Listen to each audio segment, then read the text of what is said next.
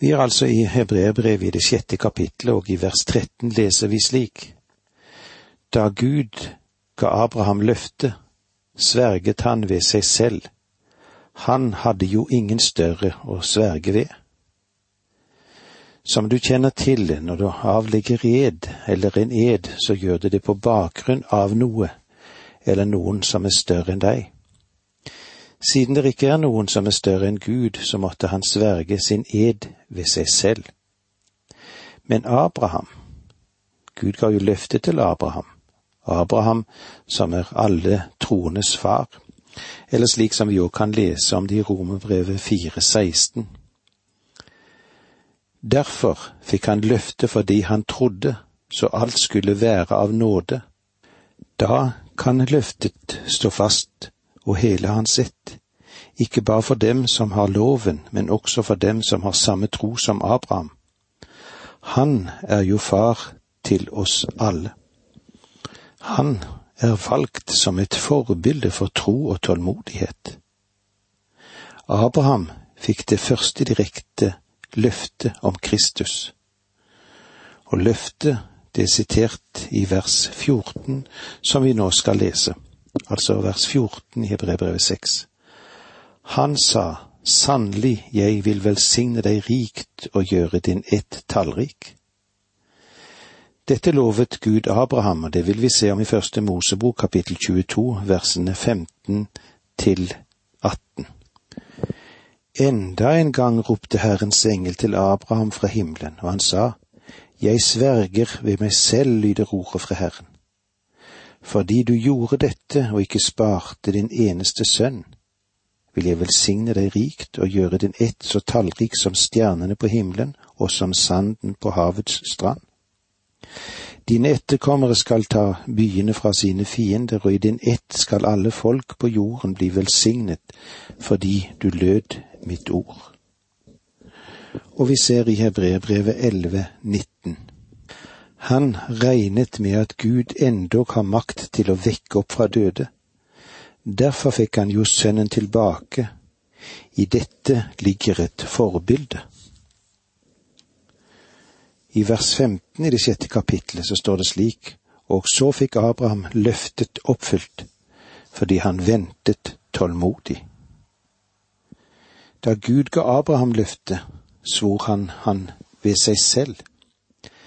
Løftet er så ufattelig stort at Gud ved en ed stadfestet dette.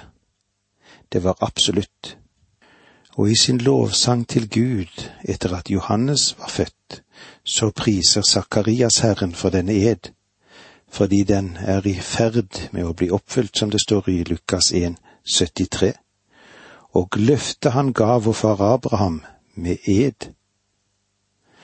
Og eh, denne samme eden bekrefter Guds løfte nå da Abraham var villig til å ofre sin eneste sønn Isak. Men du husker, Abraham ventet tålmodig, som det sto i vers 15. For eh, det første fikk han et løfte mens han var gammel og barnløs. Og for det andre viste han en enestående tålmodighet da han var villig til å ofre sin eneste sønn, som da var slektens eneste mulighet for å få en fortsettelse til. Da han så etter denne trosprøve fikk Isak tilbake, da opplevde Abraham det som var lovt han nemlig den andre oppfyllelsen av løftet. Den andre oppfyllelsen, den kom med Jakob og Esaus fødsel. Vi vet fra mange menneskelige forhold at en ed gjør en ende på all det som er imot dette, all debatt og tvil om et løfte, og eden for alle som vil betvile et utsagn til å tie. Når du har gitt en ed, så ligger kraften i det den påkaller en større til å stadfeste. Og det betyr at vi kaller Gud til vitne på det vi har lovt. Gud påkalles dermed som en som er en formidler til å stå imellom som det som et vitne har gitt løfte til, og det betyr at Gud skal hevne ethvert menneske med et eventuelt løftebrudd. Det viktige sider som vi er innom her så fikk Abraham løftet oppfylt fordi han ventet tålmodig. Det er noe som er vidunderlig i dette verset. Abraham han holdt ut, og han ventet tålmodig, og så kom det en ny visshet ved at han stolte på Gud. Når du stoler på Gud, så vandrer du med ham. Du vokser i nåde og i kunnskap om ham gjennom studiet av hans ord. Og dette fører med seg en visshet som ikke kan motsies.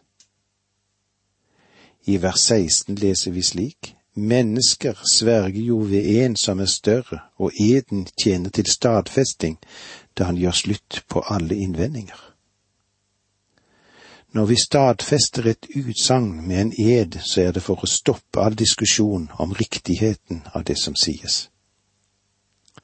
Vers 17 Fordi Gud ville gjøre det helt klart for arvingene til løftet at hans beslutning var uforanderlig, innesto han også for det med en ed. Når Gud gjør noe slikt som dette, så trenger han ikke å avlegge en ed, men det gjør han for å gjøre det klart hvor utrolig viktig det er, det som blir sagt. Vers 18 Ved to ting som ikke kan forandres, løfte og ed, som utelukker at Gud lyver, skulle vi ha en mektig trøst vi som har søkt redning ved å gripe det håp som ligger foran oss. Ved to ting som ikke kan forandres. Hva er disse to ting? Herren lovet at Abraham skulle få etterfølgere like tallrike som himmelens stjerner. Og senere så bekreftet han dette løftet med en ed fra første Mosebok 22, 16-18. Gud bekreftet sitt uforanderlige løftes ord ved andre uforanderlige ting, sin ed. Disse to ubestikkelige forhold ga Abraham mot og visshet. Hva er da de to ubestikkelige tingene for oss i dag? Vi har ikke bare det løftet som ble gitt til Abraham som en oppmuntring, men vi har en langt rikere åpenbaring av Guds kjærlighet, Hans gave i Sønnen. Kristi død og oppstandelse og Hans himmelfart og forbønn for oss er de to ubestikkelige forhold. Disse fire fakta gir oss stor visshet og kan ses på som en tilflukt som vi kan fly til og gripe tak i. Vi som har søkt redning ved å gripe det håp som ligger foran oss. Dette minner oss om de fristeder som Gud opprettet for Israels skyld. Disse fristeder står frem som symboler på Kristus som verner syndere fra døden. Dette var en veldig styrke for en mann som av vanvare drepte en annen. Kanskje den som han drepte hadde, et, hadde en sinnatagg av en bror som ønsket hevn. Og da kunne denne som flyktet fra hevn komme seg til et slikt fristed der han kunne bli beskyttet og hans sak prøvet. Om han ble frikjent i overlagt drap, så må han bli i byen inntil øverste presten er død. Hvilket bilde dette er for oss i dag, du. Dette åpenbarer at Kristus er vår tilflukt. Jeg har allerede blitt trukket for retten, og i rettssaken ble jeg funnet skyldig. Jeg var en synder. Straffen som ble utmålt mot meg, var døden og den er allerede iverksatt. Kristus bar straffen for meg. Jeg håper du forstår det. Han bar den for deg.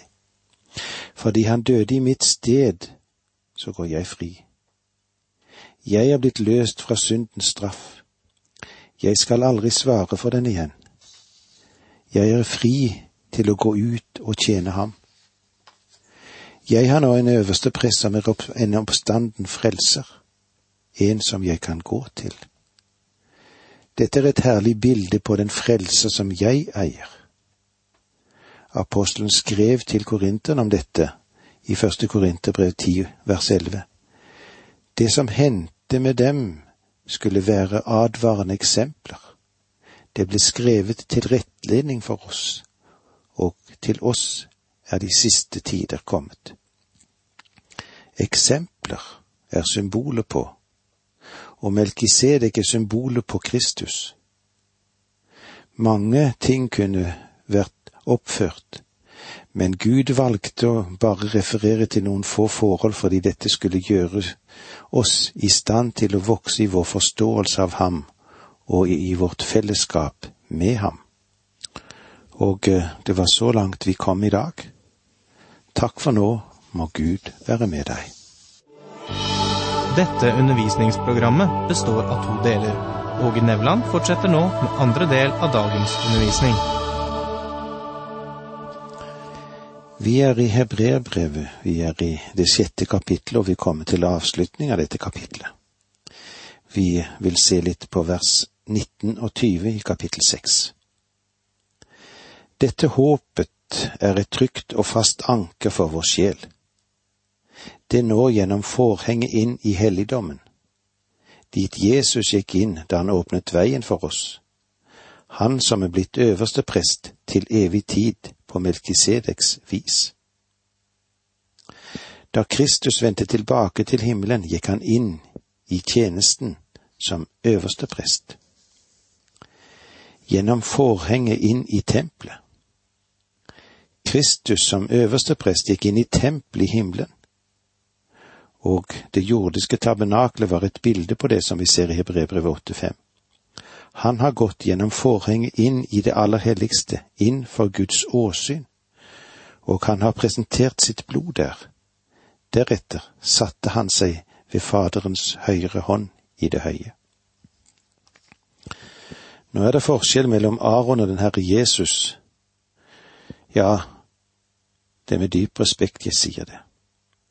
At stakkars Aron aldri satte seg ned. Når han tjente var det ingen sitteplass i tabernaklet. Det var bare en nådestol, men Gud var der. Aron bare skyndte seg inn og skyndte seg ut igjen. Men du og jeg, vi har en overordnet øverste prest. Han har gått inn. Han har satt seg ned. Han har avsluttet forsoningen. Jesus Kristus har gått inn og åpnet veien for oss. Det er en fantastisk sannhet, og den er verd å understreke. Et trygt og fast anker for vår sjel. Vi har til og med sterkere grunn til frimodighet og oppmuntring enn det Abraham hadde i sin tid, fordi vår øverste prest har gått inn til tronen, og han er der nå for å gå i forbønn for oss. Ja, hvor vidunderlig godt det er å vite at Gud kunne da umulig lyve, som er det fundamentet som vi har lov til å tro på Gud på. Og i hebreerbrevet er det helt klart enten tror vi på Guds løfte, og tror vi på løftet, da kan vi ha en sterk trøst. Eller så kan det skje det motsatte. Vi kan si Gud er en løgner, og det er vantroen og den er uten enhver trøst for de menneskene som har det slik. Her gjelder det et absolutt enten eller. Den som ikke tror på Gud, har gjort ham til en løgner.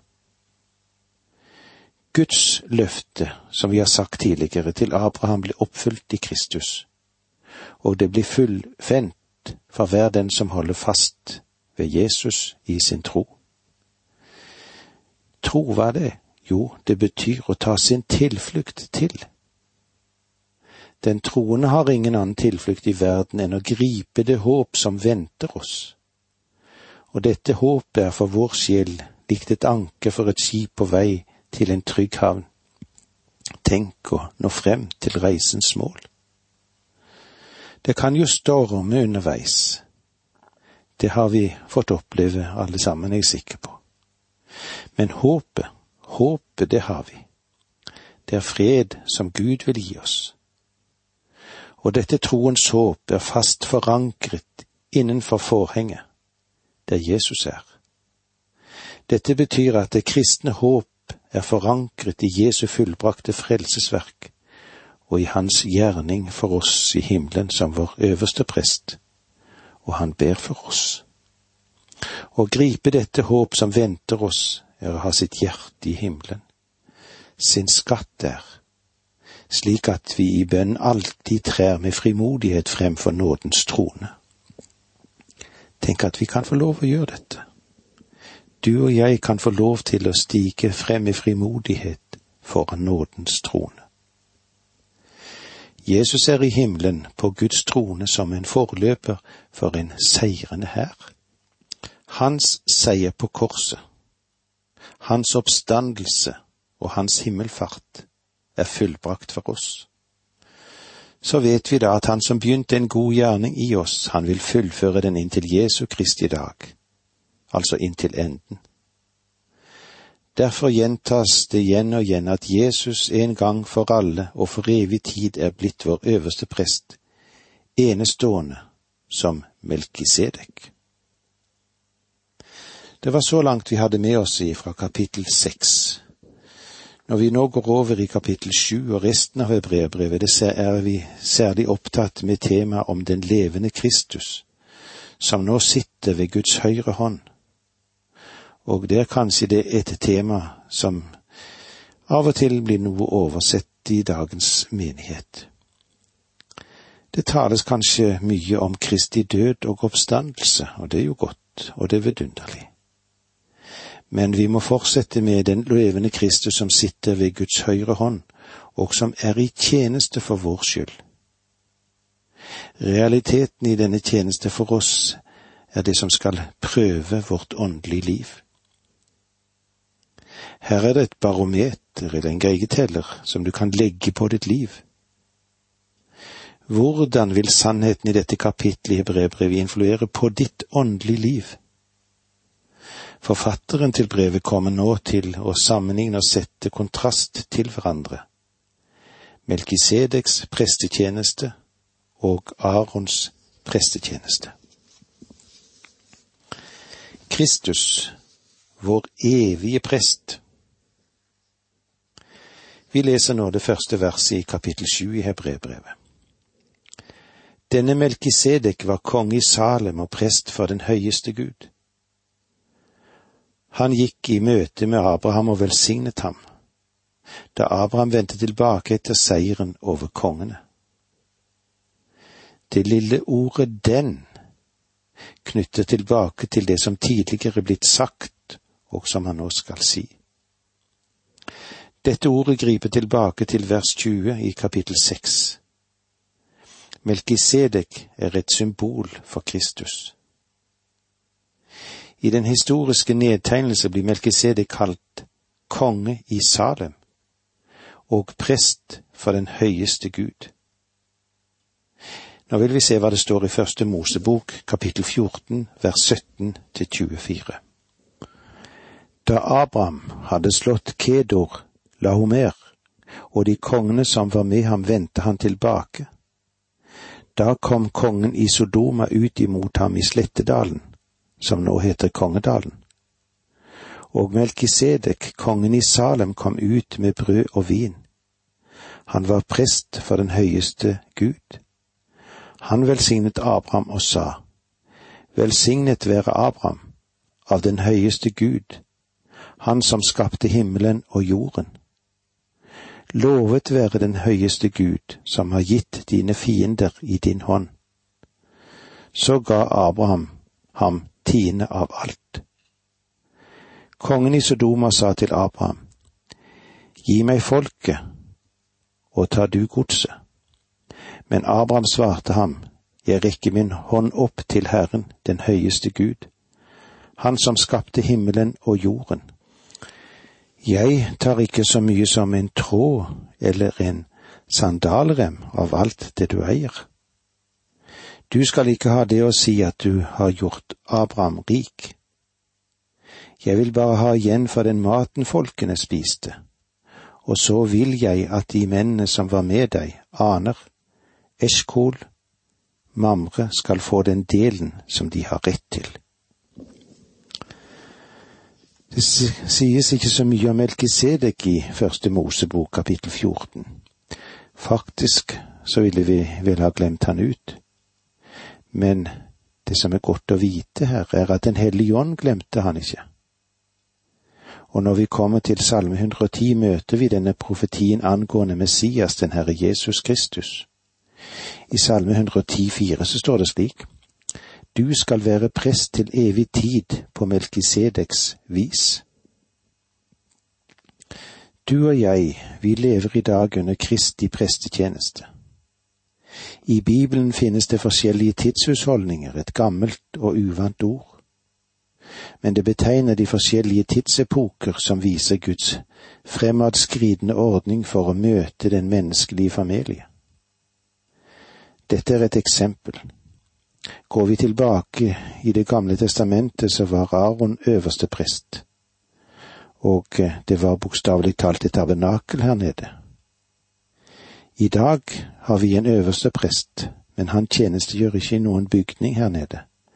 Han sitter ved Guds høyre hånd, og det er der han er nå. Det er den tjenesten han har for deg og meg nå. Det er ikke så mange henvisninger til Melkisedek i Det gamle testamentet, men vi har ganske mange her i Hebreerbrevet.